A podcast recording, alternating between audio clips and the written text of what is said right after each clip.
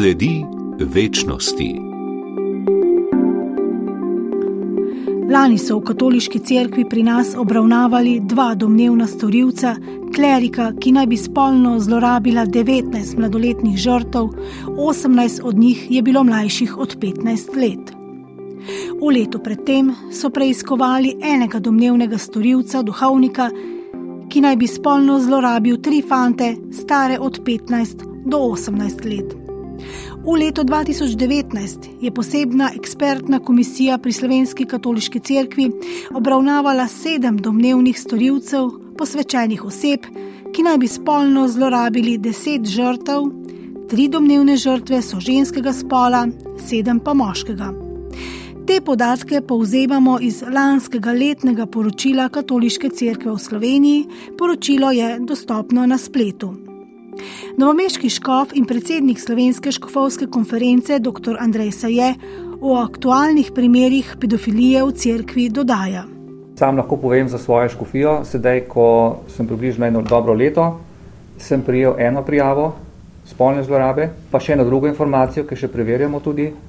Drugače pa smo sprožili vse ustrezne postopke. Ta družina je tudi napravila civilno prijavo, ki je bila potem ovadba zaradi tega, ker ni bilo dovolj elementov za nadaljevanje ustavljena z državne strani, medtem ko po cekveni plati ta postopek je v teku. To, kar se tiče za našo škofijo. Za druge škofije zdaj težko govorim. Uh, ste bili seznanjeni v preteklosti, da so bili primeri odprti, nekateri so bili zaključeni, nekateri so v teku, tako da nekaj primerov takih je. Saje se ukvarja z žrtvami spolnih zlorab v cerkvi že skoraj 15 let. Včasih imamo občutek, da so se že pomirile, ko se je nek postopek končal, vendar se ne pomirijo, ker čutijo, da so bile za nekaj prikrajšane in si želijo ponovnega srečanja, nekateri tudi, da se zadeve ponovno odprejo, da se ponovno sodijo. Tako da je potrebno veliko potrpežljivosti in lahko povem, da sem se sam se tudi zelo veliko naučil ob srečanju z njimi, predvsem tega sočutja, da sem začutil, kako trpijo, kako so prizadeti. Vsaka obravnava pedofilije, ki jo domnevno zagrešijo duhovniki, unese velik nemir v župnijo in škofijo. Vam pa lahko povem tudi, da je zelo velik odpor tudi um, ne samo, da, bi, da ne bi kaj naredili, ampak tudi, ko škof nekaj ukrene, je velik upor tudi na župniji. Sam sem bil takega upora deležen, velikega upora. Tako da škof je v zelo delikatni situaciji, ampak mora kljub temu napraviti svojo odgovornost. Predvsem gre za to, da je v središču žrtev, da, da ugotovimo, kaj je na stvari in imamo ustrezne postopke, ustrezne uh, itinerarije, kako priti do nekega zaključka. Tako da ni vse na samem škofu, imamo za to pristojne službe, tako, ki jih ustvarjamo tukaj v Sloveniji, seveda pa na ravni svetega sedeža in tudi dokumenti svetega sedeža, kot so voz Estis Lux Mundi, in ko me unamadre Morevole, to sta zadnja dva pomembna dokumenta strani svetega sedeža, ki zavezujeta na škofe, da predvsem odgovorno obravnavamo posamezne primere. In da vsak primer, eh, vsaka žrtev, ki pride, da je obravnavana dostojanstveno, sočutjem, s pozornostjo in da ugotovimo, kaj se lahko naredi, oziroma kaj je potrebno, da se povrne pravičnost. Pred štirimi leti je skupina vernikov pridružilo se jim je tudi nekaj duhovnikov, ustanovilo civilno pobudo Dovolj je. Danes je to že zavod in njihovo temeljno sporočilo je, kot že pove njihovo ime, da imajo dovolj prekrivanja spolnih zlorab v cerkvi pri nas, kot zavod pa nudijo pomoč žrtvam zlorab in izvajajo preventivo na tem področju. Njihov najbolj prepoznavni obraz in glas je duhovnik Janez Cerar, ki pritrjuje škofu Sajetu, da vsaka obravnava pedofilije v škofiji razburka življenje v njej, a to ni razlog za neukrepanje škofa. Razumem tudi upor določenih ljudi, čeprav se ne strinjam s pogledi, menim pa, da odrasel človek, ki ima privilegij odgovornosti, mora računati tudi na take odzive in da lahko z močjo argumenta povabi ljudi, da prisluhnijo in da razloži, pa če je to morda potrebno desetkrat, stokrat, na takšen ali drugačen način in bo uspešen, predvsem pa z, z mirom v srcu, ker ne stoji na izmišljotinah, ampak na privilegiju odgovornosti. Preiskal bo vse dotičnega storilca, skupnost, kjer je ta upravljal delo, prisluhnil bo domnevni žrtvi, te pomenil, naredil sklepe. Ne vidim razloga, da bi se kakorkoli umikal ali se zaradi strahu umaknil za stene varnosti. Rimsko-katoliška crkva se s pedofilskimi aferami ukvarja že četrt stoletja, sistemsko šele zadnje desetletje. Papež Frančišek je preprečevanje spolnih zlorab postavil v središče svojega pontifikata. Sveti sedež je zaostril obravnavo spolnih zlorab v cerkvi. Tajnik papeške komisije za zaščito mladoletnih, pater Andrew Small, ki je bil osrednji gost na plenarnem zasedanju Slovenske škofovske konference, je prenesel slovenskim škofom besede predsednika omenjene komisije, kardinala Šona Omelija. Da ni drugega področja življenja in delovanja cerkve, ki bi bilo tako pomembno za duhovnike in škofe, kot boj proti spolnim zlorabam. Če cerkev ne bo sposobna dokazati, da lahko zaščiti otroke, ne bo mogla pristno oznanjati Evangelija Jezusa Kristusa. Vsak spolni škandal močno prizadene crkv in vernike, se strinja Škov, saj je. Gre za to težavo, da če je storilec duhovnik, je prizadeta potem tudi ta podoba vere in Boga, pogosto krat imajo težave z verovanjem, s prihajanjem v crkv, ker se jim potem zameri inštitucija, ko vidi duhovnika, se reče, vsi so taki, Vatikanski dokumenti narekujejo lokalnim cerkvam, da morajo spolne zlorabe, ki so jih zagrešili kleriki, odkrivati in preganjati na dveh ravneh: na ravni škofije in na ravni celotne lokalne cerkve. Tako uresničujejo apostolsko pismo papeža Frančiška: Vi ste luč sveta, ki škofijam nalaga ustanovitev stalnih sistemov za prijavo spolnih zlorab, ki so jih zagrešili kleriki. Večina slovenskih škofov je po škofijah že imenovala pooblaščeno osebo lajka, ki sprejema prijave žrtev ter jim nudi pravno in drugo pomoč. Na slovenski ravni pa imajo škofije že leto dni v načrtu, po vzoru dobrih praks iz tujine Avstrije, Italije, Francije, ustanovitev neodvisne komisije strokovnjakov za zaščito otrok a pri ustanovitvi te komisije se očitno zapleta, njena ustanovitev se ne premakne z mrtve točke, kot rečeno že leto dni, zato ne preseneča ugotovitev visokega gosta iz Vatikana, Patra Smola.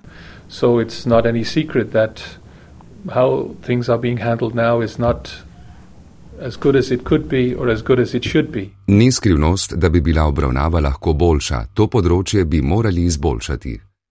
Duhovnika Janeza Cerarja smo vprašali, ali razume obisk tajnika Papeške komisije za zaščito mladoletnih Patra Smola v Sloveniji kot nezaupnico slovenskim škofom. Menim, da je to obisk, ki želi pomagati vodstvu katoliške cerkve v Sloveniji pri soočanju, eh, pri dojemanju globine posledic spolnih zlorab, pri resnem preiskovalnem delu ki je pogoj za to, da primarna preventiva postane verodostojna in učinkovita. Če, če rečem na kratko, brez um, resnega soočanja z zlorabami, s posledicami zlorab, ne bo mogoče izvesti preventivo za prihodnost. Papežev svetovalec Mol Kleru v Sloveniji sporoča vzpostavite transparentne postopke na področju odkrivanja in pomoči žrtvam spolnih zlorab, le tako boste okrepili svojo kredibilnost.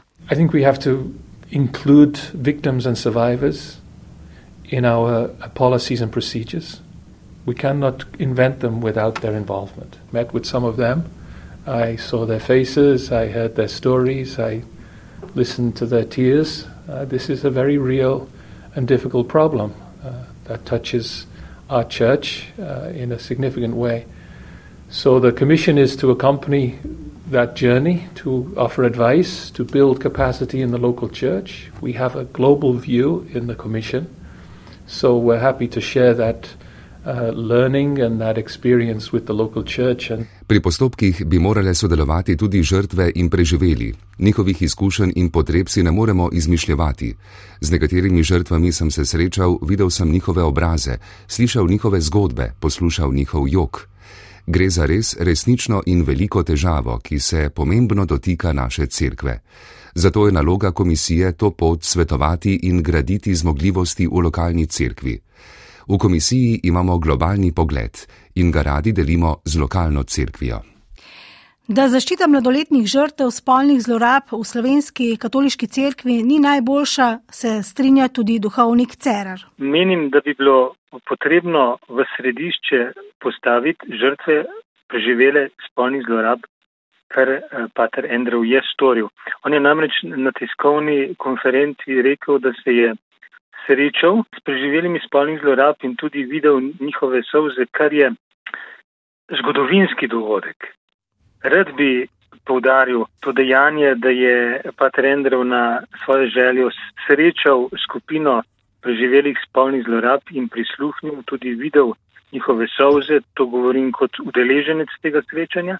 Zgodovinsko pa je tudi dejstvo, da je dan kasneje na srečanju, ki je bilo namenjeno odgovornim posameznih skofij za preiskavo zlorab, navzoči so bili tudi bogoslovci semenišča v Ljubljani, nenapovedano ob srečanju poklical mene pred zbrane in nenapovedano, jaz zato nisem vedel in želel, da eh, tem zbranim spregovorim o svojih občutkih in, in o tistem, kar slišim, ko se srečujem s preživelimi zlorab. Torej, gre za dva zgodovinska dogodka, kajti doslej se s tako držo zato da posluša in sliši, ni srečal še nihče v Sloveniji.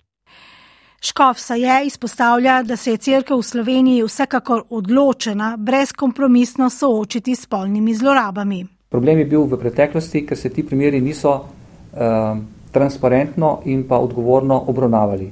In to je tudi zdaj novost, tudi v dokumentih, uh, da smo zavezani, se pravi, da moramo storiti tako, kot je treba in da se ne moramo sklicevati na to, da nismo vedeli, uh, se pravi, neaktivnost je tudi problem. Neupravljanje dolžnosti je problem. In to sedaj iščemo te poti, kako bi najbolj primerno v naših okoliščinah v Sloveniji uh, šli to pot naprej. Napoveduje ustanovitev neodvisne komisije za zaščito otrok v nekaj mesecih. V prihodnem letu, jaz mislim, da bo ta v nekaj mesecih, da bomo to komisijo sestavili. Ne vem, smo še v pogovorih in tudi iščemo še, eh, bom rekel, v kakšnem smislu bi to komisijo sestavili, ker imamo različne izkušnje. Recimo Italija ima eno izkušnjo, Nemčija ima drugo izkušnjo, Avstrija ima spet drugo izkušnjo, eh, Hrvaška ima spet neko drugo izkušnjo, danes smo malo si izmenjali te izkušnje, tako da glede na naše zmožnosti, na naše potrebe, glede na primere tudi, To, kar je povedal gospod Andrew, se mi zdi bistveno, da vključimo tudi same žrtve. Slovenski škofje se s tajnikom Papeške komisije za zaščito mladoletnih, Patrom Smolom, niso pogovarjali o sestavi komisije. To je ustanova, ki predvsem svetuje, ki pomaga tako papežu, kakor tudi škofovskim konferencam pri ozaveščanju te problematike in tudi pri postavljanju te problematike v širši kontekst, kontekst to je zaščito mladoletnih, potem preventivnih programov, da ne gre samo za posamezne primere. Posamezne primere obravnava recimo cekveno sodišče oziroma posamezen škof v okviru cekvenega sodišča oziroma digasteri na kongregacije za naukvere, uh, ki je pristojen za to, da odloča, po kakšnem postopku se bo uh, posamezna zadeva odvila, glede na to, ali je, če je uh, žrtev bila mladoletna. Zelo si želim, da bi postopek ustanovitve komisije Škofje prestavili iz prve v šesto prestavo, povdarja duhovnik Cerar. Razumem, da vsakdo po svoje doume, kaj naj bi to neodvisna komisija bila, vendar le povdarjam. Prvi odgovorni za vse to so škofje.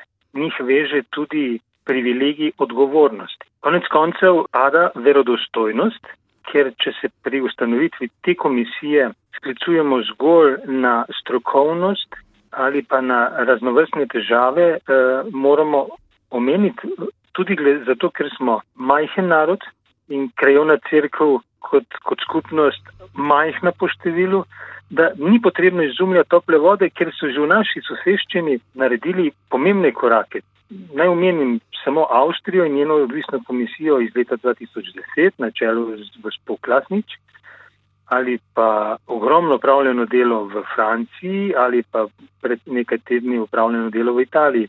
Samo odpreti je treba vrata in povabiti ljudi, ki imajo že ne samo določeno kilometrino, ampak uspešno zastavljeno delo. V komisiji za zaščito otrok bodo, tako se je, žrtve in laiki, ki so strokovnjaki na tem področju. Tako da bi bili člani po možnosti iz vseh škofij, oziroma po možnosti, da bi zastavili eno skupno ekipo, ki bi lahko pomagala uh, za te primere. Uh, tako da ta komisija zdaj na novo še ni ustanovljena. Tako da zbiramo izkušnje. Uh, bili smo pred kratkim v Italiji, bili smo pogovarjali smo se z avstrijskim škofom, nam je predstavil tudi svoje izkušnje, kako je v Avstriji, kjer se že več let uspešno spopadajo s to problematiko. Uh, tako da eno je, se pravi, komisija, ki svetuje, drugače pa na škofovi odgovornosti tisti, da vodi konkretni postopek. Seveda komisija pa pomaga potem tudi njihovim družinam. Jaz sem se sam tudi recimo srečal že letos z eno družino, že oziroma dvakrat, trikrat, To je zelo pomembno, vendar potem pa pristojne službe to obravnavajo. Ja, ta komisija je predvsem svetovalne narave. Ne?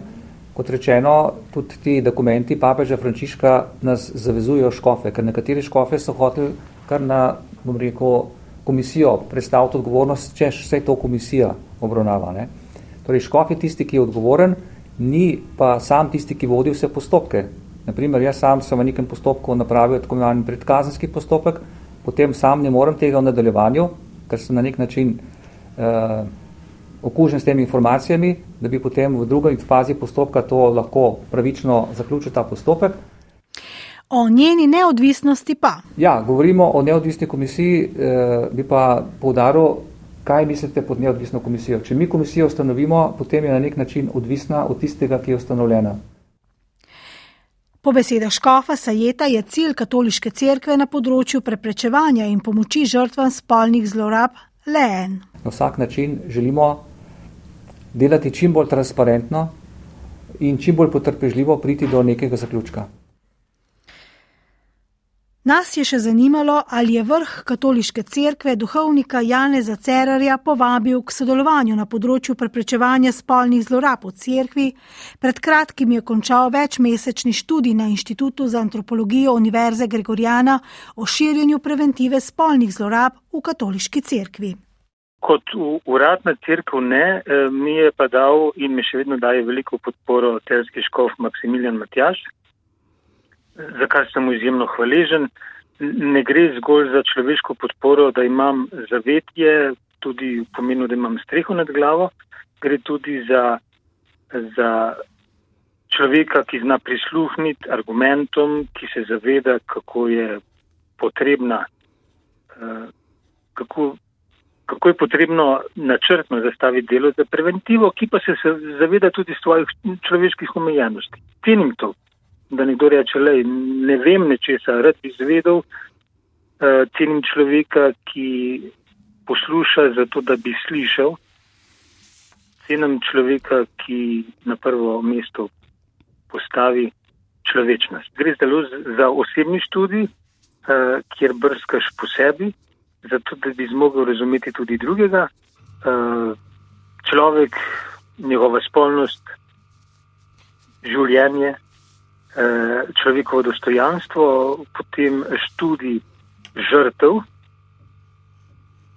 potem študij storilcev eh,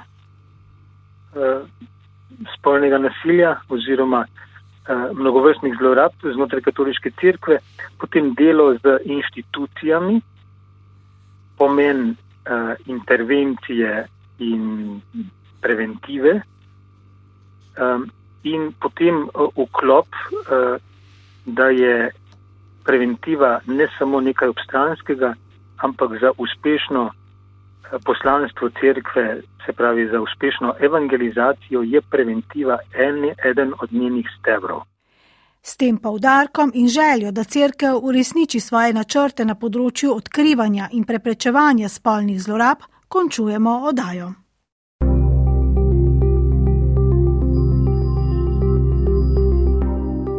Sledi večnosti.